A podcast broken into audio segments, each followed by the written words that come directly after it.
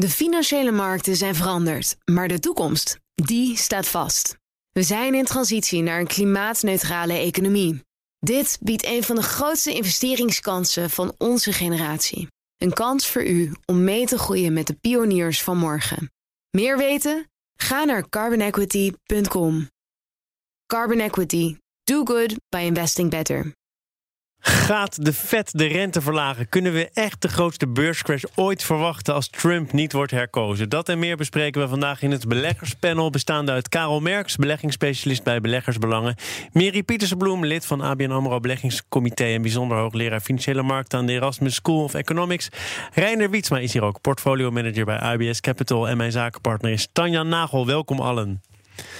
Karel, ik wil bij jou beginnen, want jouw voorbereiding die wordt met de keer dat je hier bent indrukwekkender. Er is hier nauwelijks ruimte meer voor de andere gasten om zich ook nog achter de microfoon te bewegen, want je hebt hier allerlei grafieken op tafel neergelegd, dat ook nog weer netjes gerangschikt.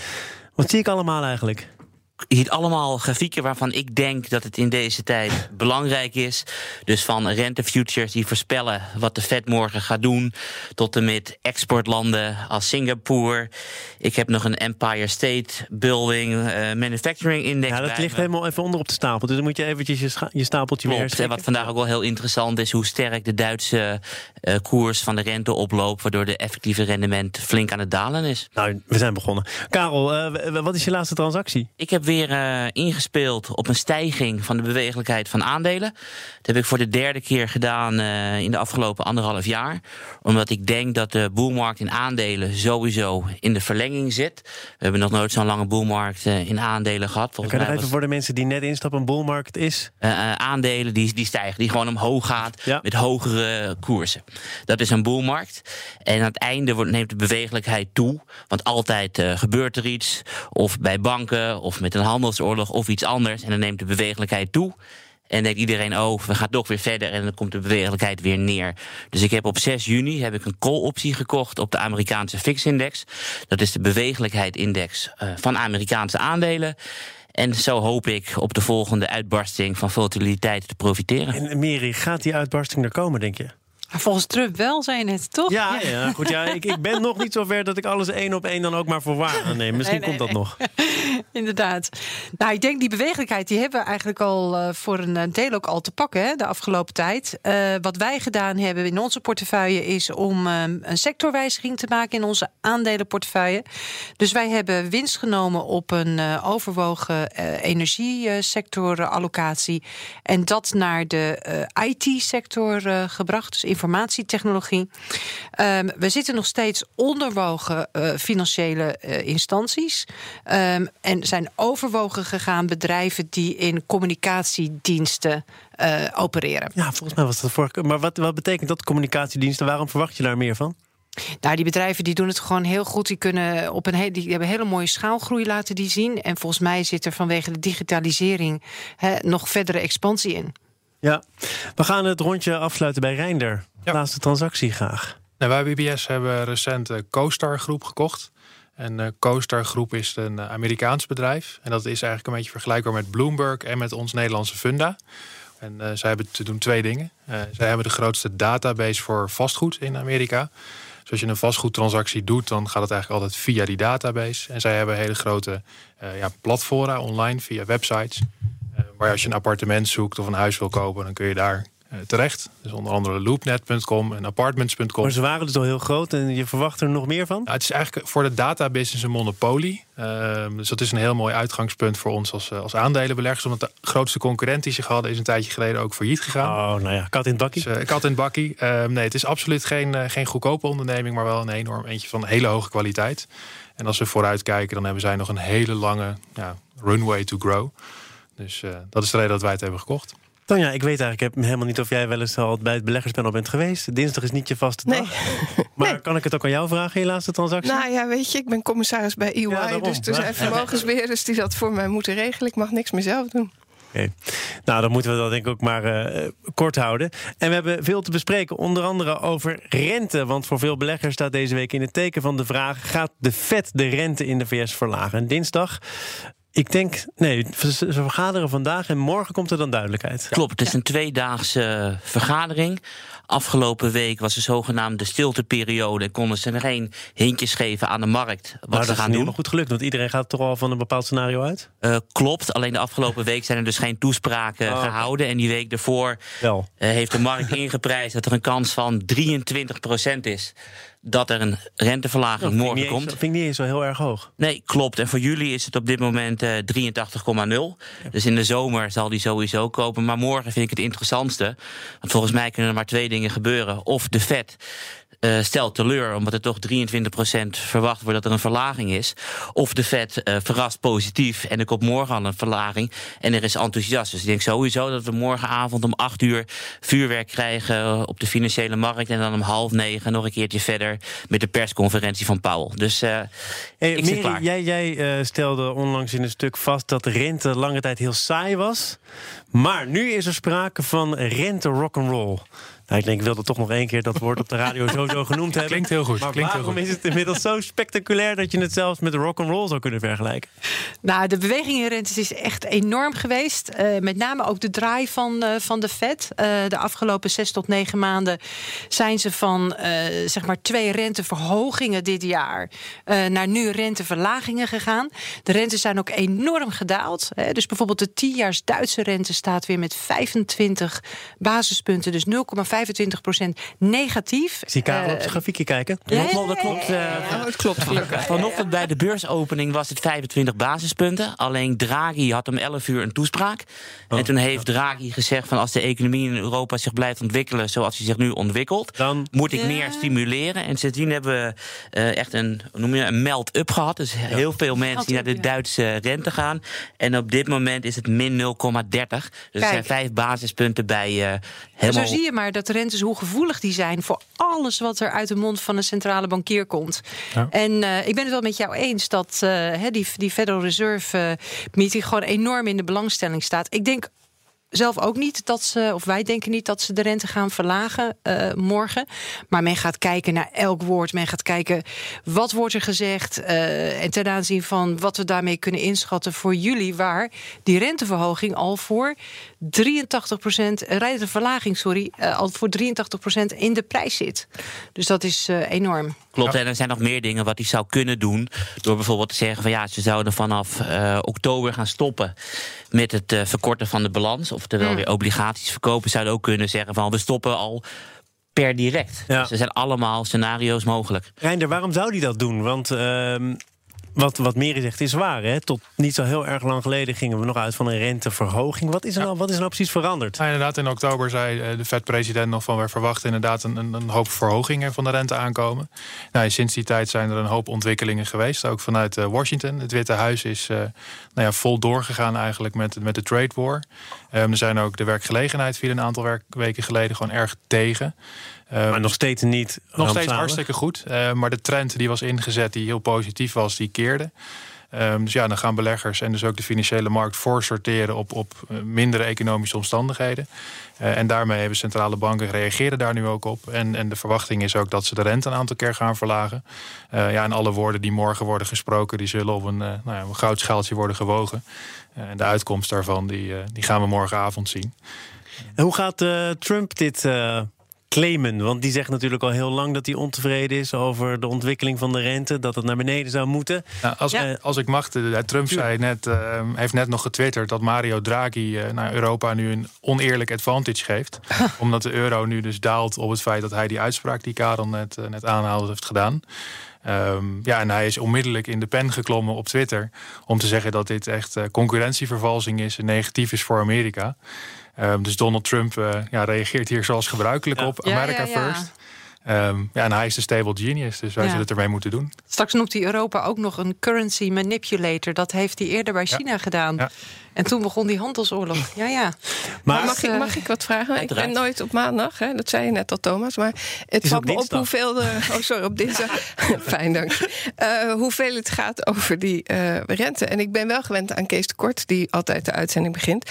En die had het over een centrale bank is eigenlijk alleen maar bedoeld om in te grijpen als het echt misgaat. En voor de rest moeten ze zich nergens mee bemoeien. Wat ja. vinden jullie daarvan? Nou, het, het, is centrale banken zijn ongelooflijk overheersend, omdat ze midden in die markt zitten uh, met hun beleid, omdat ze ook gewoon direct via hun verruimingsprogramma's aankopen hebben gedaan. Dus ze zijn een mhm. marktpartij geworden en niet meer een partij die alleen maar aan de zijlijn staat. Geworden. Maar ja, maar even een voorbeeld hier te geven van hoe het vroeger was. Er is een periode voor de crash van 87 en na. En voor de crash van 87 was de rente van de Fed niet bekend. Want op het moment dat een bank zaken wilde doen met de Fed, hoorde zij wat de rente was. En sinds na de crash van 87 ging de Fed de markt duiden. En het wordt elk jaar meer en meer en meer. Maar de, de, kritiek die je hoort is volgens mij: er moest wat gebeuren, whatever it takes. Uh, dan werkt dat in eh, meer of mindere mate. Maar dan moet er ook een moment komen dat je er weer een beetje uitstapt. Zodat als het weer minder gaat, dat je dan weer je comeback kunt maken. Hij heeft het twee maanden geprobeerd natuurlijk. Want hij heeft in uh, oktober inderdaad gezegd... de rente is ver van neutraal. Dat betekent er komen meerdere renteverhogingen aan. En in december zei hij... Uh, de balans gaan we op automatische piloot afbouwen. Ook al komt er een crisis. En toen mochten de markten twee maanden hebben dan op eigen benen mogen staan. En dat bleek niet te werken, want koersen daalden heel erg snel. Ja, met hij bedoel je natuurlijk uh, vet-president Powell. Hè? Klopt. Ja. Ja, kijk, wat nu natuurlijk ook aan de hand is... is dat die inflatieverwachtingen die zakken heel ver weg. Uh, dus als je kijkt naar de, de, de surveys hè, die dan uh, de centrale bank uitzet... die staat nu op het laagste punt in 40 jaar. En als ze nog steeds vasthouden aan een inflatiedoelstelling... hebben ze dus alle ruimte om, om te gaan verruimen. Ja. En als ze vinden dat de economie dat nodig heeft, dan, dan pakken ze die ruimte dus. En daarmee zijn ze gewoon ontzettend uh, overheersend voor financiële markten. Uh, jij, Mary, uh, organiseert uh, over niet zo lange tijd een, een, conferentie over het veranderende landschap van financiële markten. Daar gaat het denk ik ook voor een belangrijk deel over de rol die centrale banken pakken, of misschien wel moeten pakken. Ja, absoluut. Uh, die conferentie vindt uh, eh, 28 juni plaats uh, aan de Zijn er nog kaarten? Zijn er nog ja, kaarten? Ik mag aannemen van wel. Ja, ja, ja, ja. en dat is in het kader van mijn inaugurele reden die ik daar dan ook geef, die middag. het programma kan je zien op een website. En dat is www.ur.nl, schuine streep vooruit ESE, schuine streep vooruit NPB. Oh, maar mensen dus hebben nu allemaal hun notitieboekje al gepakt. Staat allemaal ja, genoteerd. Goed. Jij ook, hè? Want jij komt dan. Ja, absoluut, zonder meer. Hartstikke leuk. En er is uh, los van, van instanties natuurlijk ook iemand die kan bepalen hoe financiële markten reageren. En dan hebben we het over Donald Trump. Die heeft gezegd afgelopen weekend, wil ik toch nog even aan jullie vragen, dat als hij niet herkozen wordt, de grootste beurscrash aller tijden op ons afkomt. Hij heeft ook al eens gezegd: uh, als ik word afgezet, dan zullen ook de beurzen crashen. Dan zal iedereen arm worden. Ja, totale onzin. Gewoon Je weet wat hij ook gezegd heeft, hè? Ik weet, ja, hij zal Ik bedoel, hij heeft uh, in de sneeuw gestaan en gezegd van... hoe kan er global warming zijn als het nu sneeuwt? nou ja, maar even om het terug te brengen tot dit panel. Is het logisch dat hij een deel van zijn presidentschap en het slagen daarvan afmeten aan het succes op de beurs. Of de beurzen stijgen of niet, Mary. Ja, en ik denk dat hij dus oorzaak en gevolg omdraait. Ik denk dat het eerder zo is dat als de beurzen sterk dalen... dat hij dan eerder wordt afgezet. Ah. ah of niet wordt herverkozen. Precies. Of, niet, wordt, inderdaad, niet wordt herverkozen. de economie treft en dus ook slechtere beurzen. Ja. Dan zal dat niet goed voor hem zijn. We gaan het hebben over techbedrijf Slack. Want dat gaat aanstaande donderdag naar de beurs. Een notering in New York. De zakelijke chatdienst wordt gewaardeerd op maximaal 17 miljard dollar. En dat is aanzienlijk hoger dan de laatste waardering van 7,1 miljard dollar... die het bedrijf bij de laatste investeringsronde kreeg. Reinder, hoe denk jij dat dat komt? Nou de, de 7,1 was geld dat Slack zelf heeft opgehaald om eigenlijk zelf uh, geld op de balans te zetten. En dat getal van 17 miljard, dat is uh, eigenlijk van aandeelhouders die al aandelen hadden. En die onderling hebben besloten het daarvoor te verkopen. Ja. En maar stel dat wij allebei één aandeel Slack zouden hebben en wij zouden het verkopen voor het dubbele, dan staat er nu 32 of 40. Uh, um, dus ik zou er niet te veel in lezen. Maar het is blijkbaar zo dat in de nou, private markt, dus echt de voorbeurshandel, dat, uh, dat getal nu uh, ja, is afgesproken. En als je dat afspreekt, dan is het dat waard. Uh, maar het is natuurlijk pas ja, als het op de beurs komt dat we weten wat de markt er echt voor wil geven. En dan is het ook nog handig om het te hebben over de manier waarop Slack dan op de beurs komt. Want het gaat hier om een, zoals we dat noemen, directe notering. Wat betekent dat? Een directe notering betekent dat eigenlijk gewoon de beurs open gaat. Er geen initiële public offering is gaan, dus niet al door banken aandelen verdeeld onderling. Um, ja, en iedereen die aandelen heeft, is vrij om daarin in te gaan handelen. ook geen nieuwe aandelen. Er zijn geen nieuwe aandelen bijgekomen. En de beurs gaat eigenlijk gewoon open. En dit kun je vooral goed doen op het moment dat je een bekende merknaam hebt. Uh, Spotify is de eerste grote die dit gedaan heeft. En iedereen kende ook Spotify. Um, dus Meri, zei jij nou dat je er nog nooit van gehoord had? Ik had nog nooit van Slack gehoord, Spotify wel. Ja, ja, ja oké. Dus, maar dan kun je ook afvragen hoe bekend Slack dan is. Maar is nou, binnen Silicon Valley, als je een uh, beurswaarde krijgt toegemeten van meer dan 10 miljard, dan ben je in ieder geval bekend genoeg. En, ja, bij eh, wie? Bij, bij, de, bij de grote mannen en vrouwen in Silicon Valley? De Vision Funds, de softbanks, de, de grote investors, uh, PE's. Iedereen in Amerika die, die hier zijn bread and butter mee verdient, die, die kende Slack. Ja, maar het is dus wel een manier om naar de beurs te gaan die niet heel vaak voorkomt. Het, is, het is redelijk uitzonderlijk. Het is goedkoper om te doen. Dat is het. Is, is dat het vooral? Nou, als je een kleine IPO doet, betaal je tot 7% commissie aan de banken. Uh, Facebook en Uber betaalden ongeveer 1,5% van de, van de waarde. En Slack betaalt 22 miljoen. Dus op een beursgang van 17 miljard. Uh, en het zijn ook maar drie banken die het doen. Maar die hoeven geen IPO-boek te maken. Die kunnen gewoon zeggen, dit is, dit is het. Dit is het. En die zeggen dat dan over Slack. We gaan niet heel diep in op Slack, want ik kan zelf ook net chatten. En dat is het dan wel zo'n beetje. We gebruiken het hier wel. Maar het is, het is wel weer een voorbeeld van een bedrijf dat naar de beurs gaat... dat nog uh, verlieslatend is. Hm. Hoe groot is dan de gok als belegger, Mary? Nou, je moet heel goed kijken naar het businessmodel. Um, en op zich is het wel een, eh, een, interessante propositie. Ik denk wel met dit soort bedrijven, en dat geldt meer voor uh, bedrijven die gewoon nieuwe apps en zo uh, lanceren en toepassingen. Je moet wel de hele tijd de rest van de concurrentie voorblijven met je, met je technologie. Want als je dat niet doet, dan stappen mensen heel erg snel over naar, naar iets anders. En dat is natuurlijk het risico. Maar als je dan kijkt naar Uber en Lyft, daar is met die beursgang natuurlijk ook niet helemaal goed gegaan. Althans met de beurskoers daarna. Je hebt twee, ik bedoel, je hebt natuurlijk Facebook, die ging ook, werd ook gehalveerd. En daarna ging het uh, maal tien. Maar wat ik denk wat interessanter is om te kijken naar al die beursgangen die in 2019 komen. En welk percentage daarvan verliesgevend is. Dat is 85 procent. Hmm. Dus van elke 100 bedrijven die er naar de beurs gaan, hebben 85 procent nog nooit een euro verdiend. En als je dan kijkt met data vanaf 1990, alleen met 88 procent in 99 waren er meer verliesgevende IPO's. Oftewel, iedereen denkt dit jaar kan ik verliesgevende IPO's naar de beurs brengen. Want beleggers kopen het. En wanneer was het jaar met de minst verliesgevende IPO? was 2009, bodem van de markt. Maar toen beleggers overtuigd moesten worden om iets te kopen. Dus dan moest je wat moois aanbieden. Dus ik vind het redelijk schokkend hoeveel verliesgevende bedrijven er in 2019 naar de beurs gaan. Jij ziet hier ook een signaal voor de toekomst in. Ja, klopt. Ik zie het als het een van de laatste innings van de boelmarkt. Het is ook een keuze, hè? want bijvoorbeeld Slack maakt twee, besteedt ongeveer 250 miljoen aan sales en marketing expenditure. Mm. Dat is eigenlijk gewoon een investering die ze doen om, om deze groeirate te kunnen volhouden, want ze groeien dit jaar 50 procent. En ze maken 140 miljoen verlies.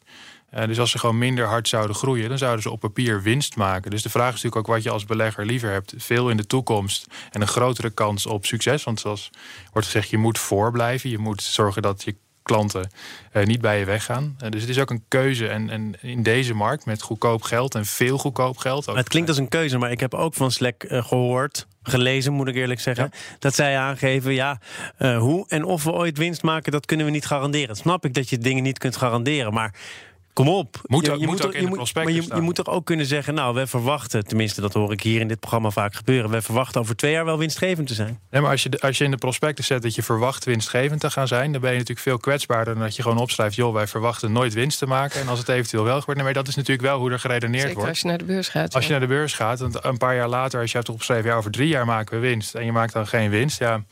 Dan ben je het indekken. Tuurlijk, ik zou het ook opschrijven. Ja, ik ga nooit winst maken. En als het eventueel wel lukt. En je gaat natuurlijk daar wel alles aan doen om dat te doen. Eh, maar dat, dat is niet gegeven. Nee. Laten we nog even naar, eh, naar China gaan. Want er zijn protesten in Hongkong. Een varkenspest die de prijzen opdrijft. Een handelsoorlog. Lagere economische groei. Uh, het is onrustig. Meri, wat zie je daarvan terug als je kijkt naar Chinese aandelen? Nou, ik denk dat de markt zich uh, op zich uh, onder de omstandigheden redelijk goed, uh, goed houdt, denk ik. en je moet natuurlijk, ja, het, het is wel een opeenstapeling van, van risico's, waarvan ik zelf zeg dat de handelsoorlog veruit met kop en schouders erboven, erboven uitsteekt. Maar dat is misschien ook iets, ja, dat wordt vaker gezegd, maar ze gaan elkaar weer ontmoeten over twee weken, dan kan er iets. Nou, daar, daar goot uh, Wilbur Ross uh, wel een emmer koud water op uh, gisteren. Die zei dat het helemaal niet gezegd is dat ze elkaar gaan ontmoeten. en dat het ook nog lang niet gezegd is dat als ze elkaar ontmoeten, dat ze dan op een akkoord kunnen, kunnen nee, dat, ja, En dat is wel wat de markt natuurlijk, wat de markt natuurlijk wel hoopt. de verwachting zit er nog een heel klein beetje in. niet heel erg veel, want men verwacht eigenlijk liever dat de centrale bank uh, zijn rente vandaag, zoals net besproken. Um, dus als het gebeurt, dan is dat wel een enorme verrassing. Maar wij rekenen er niet op. En ik denk de meerderheid van de markt niet. Nee. Karel, nou hebben we in dit panel al vaker geconstateerd dat China interessant is. Maar heel, voor heel veel mensen toch ook redelijk ver weg, ondoorzichtig. Het wordt er op deze manier natuurlijk niet aantrekkelijker op helemaal mee eens. Uh, de wereldeconomie koelt zonder twijfel af. Als je vooral wat belangrijk is, is de exportlanden. Want op het moment dat je een groot gedeelte van je GDP uit export behaalt, dan heb je het meeste last van de handelsoorlog. Gisteren kwamen weer de exportcijfers uit van Singapore, dicht bij China. En die Kijk zijn even goed. Uh, eh, 29% lager uh, dan een jaar geleden. Ik bedoel, Duitse export is niet goed, Zuid-Koreaanse, Japanse zijn toch wel de powerhouses ter wereld. En een van de indicatoren die ik volg is de Surprise Index. En die kijken de tien grootste landen op de wereld. De Surprise Index? Ja, de verrassingsindex in het Nederland. en die kijkt naar wat denken analisten en wat zijn de werkelijke uitkomsten van economische cijfers. En nog nooit in de geschiedenis zijn er 439 dagen geweest dat analisten te positief zijn. Dus de afgelopen anderhalf jaar hebben we gezien cijfers vallen tegen, analisten verlagen de vooruitzichten, cijfers vallen nog verder tegen. Als ik jou nog snel zakker maak, weet je dan dit getal ook? Ja. Oké, nou we gaan het niet proberen. Bedankt voor jullie komst. Karel Merks, beleggingsspecialist bij Beleggersbelangen. Mary Pietersen-Bloem, lid van het ABN AMRO Beleggingscomité... bijzonder hoogleraar Financiële Markten aan de Erasmus School of Economics... en Reinder Wietsma, portfolio manager bij IBS Capital Management. Mijn zakenpartner Stanja Nagel. Tot morgen. De financiële markten zijn veranderd, maar de toekomst, die staat vast. We zijn in transitie naar een klimaatneutrale economie. Dit biedt een van de grootste investeringskansen van onze generatie. Een kans voor u om mee te groeien met de klimaatoplossingen van morgen. Meer weten? Ga naar carbonequity.com. Carbon Equity. Do good by investing better.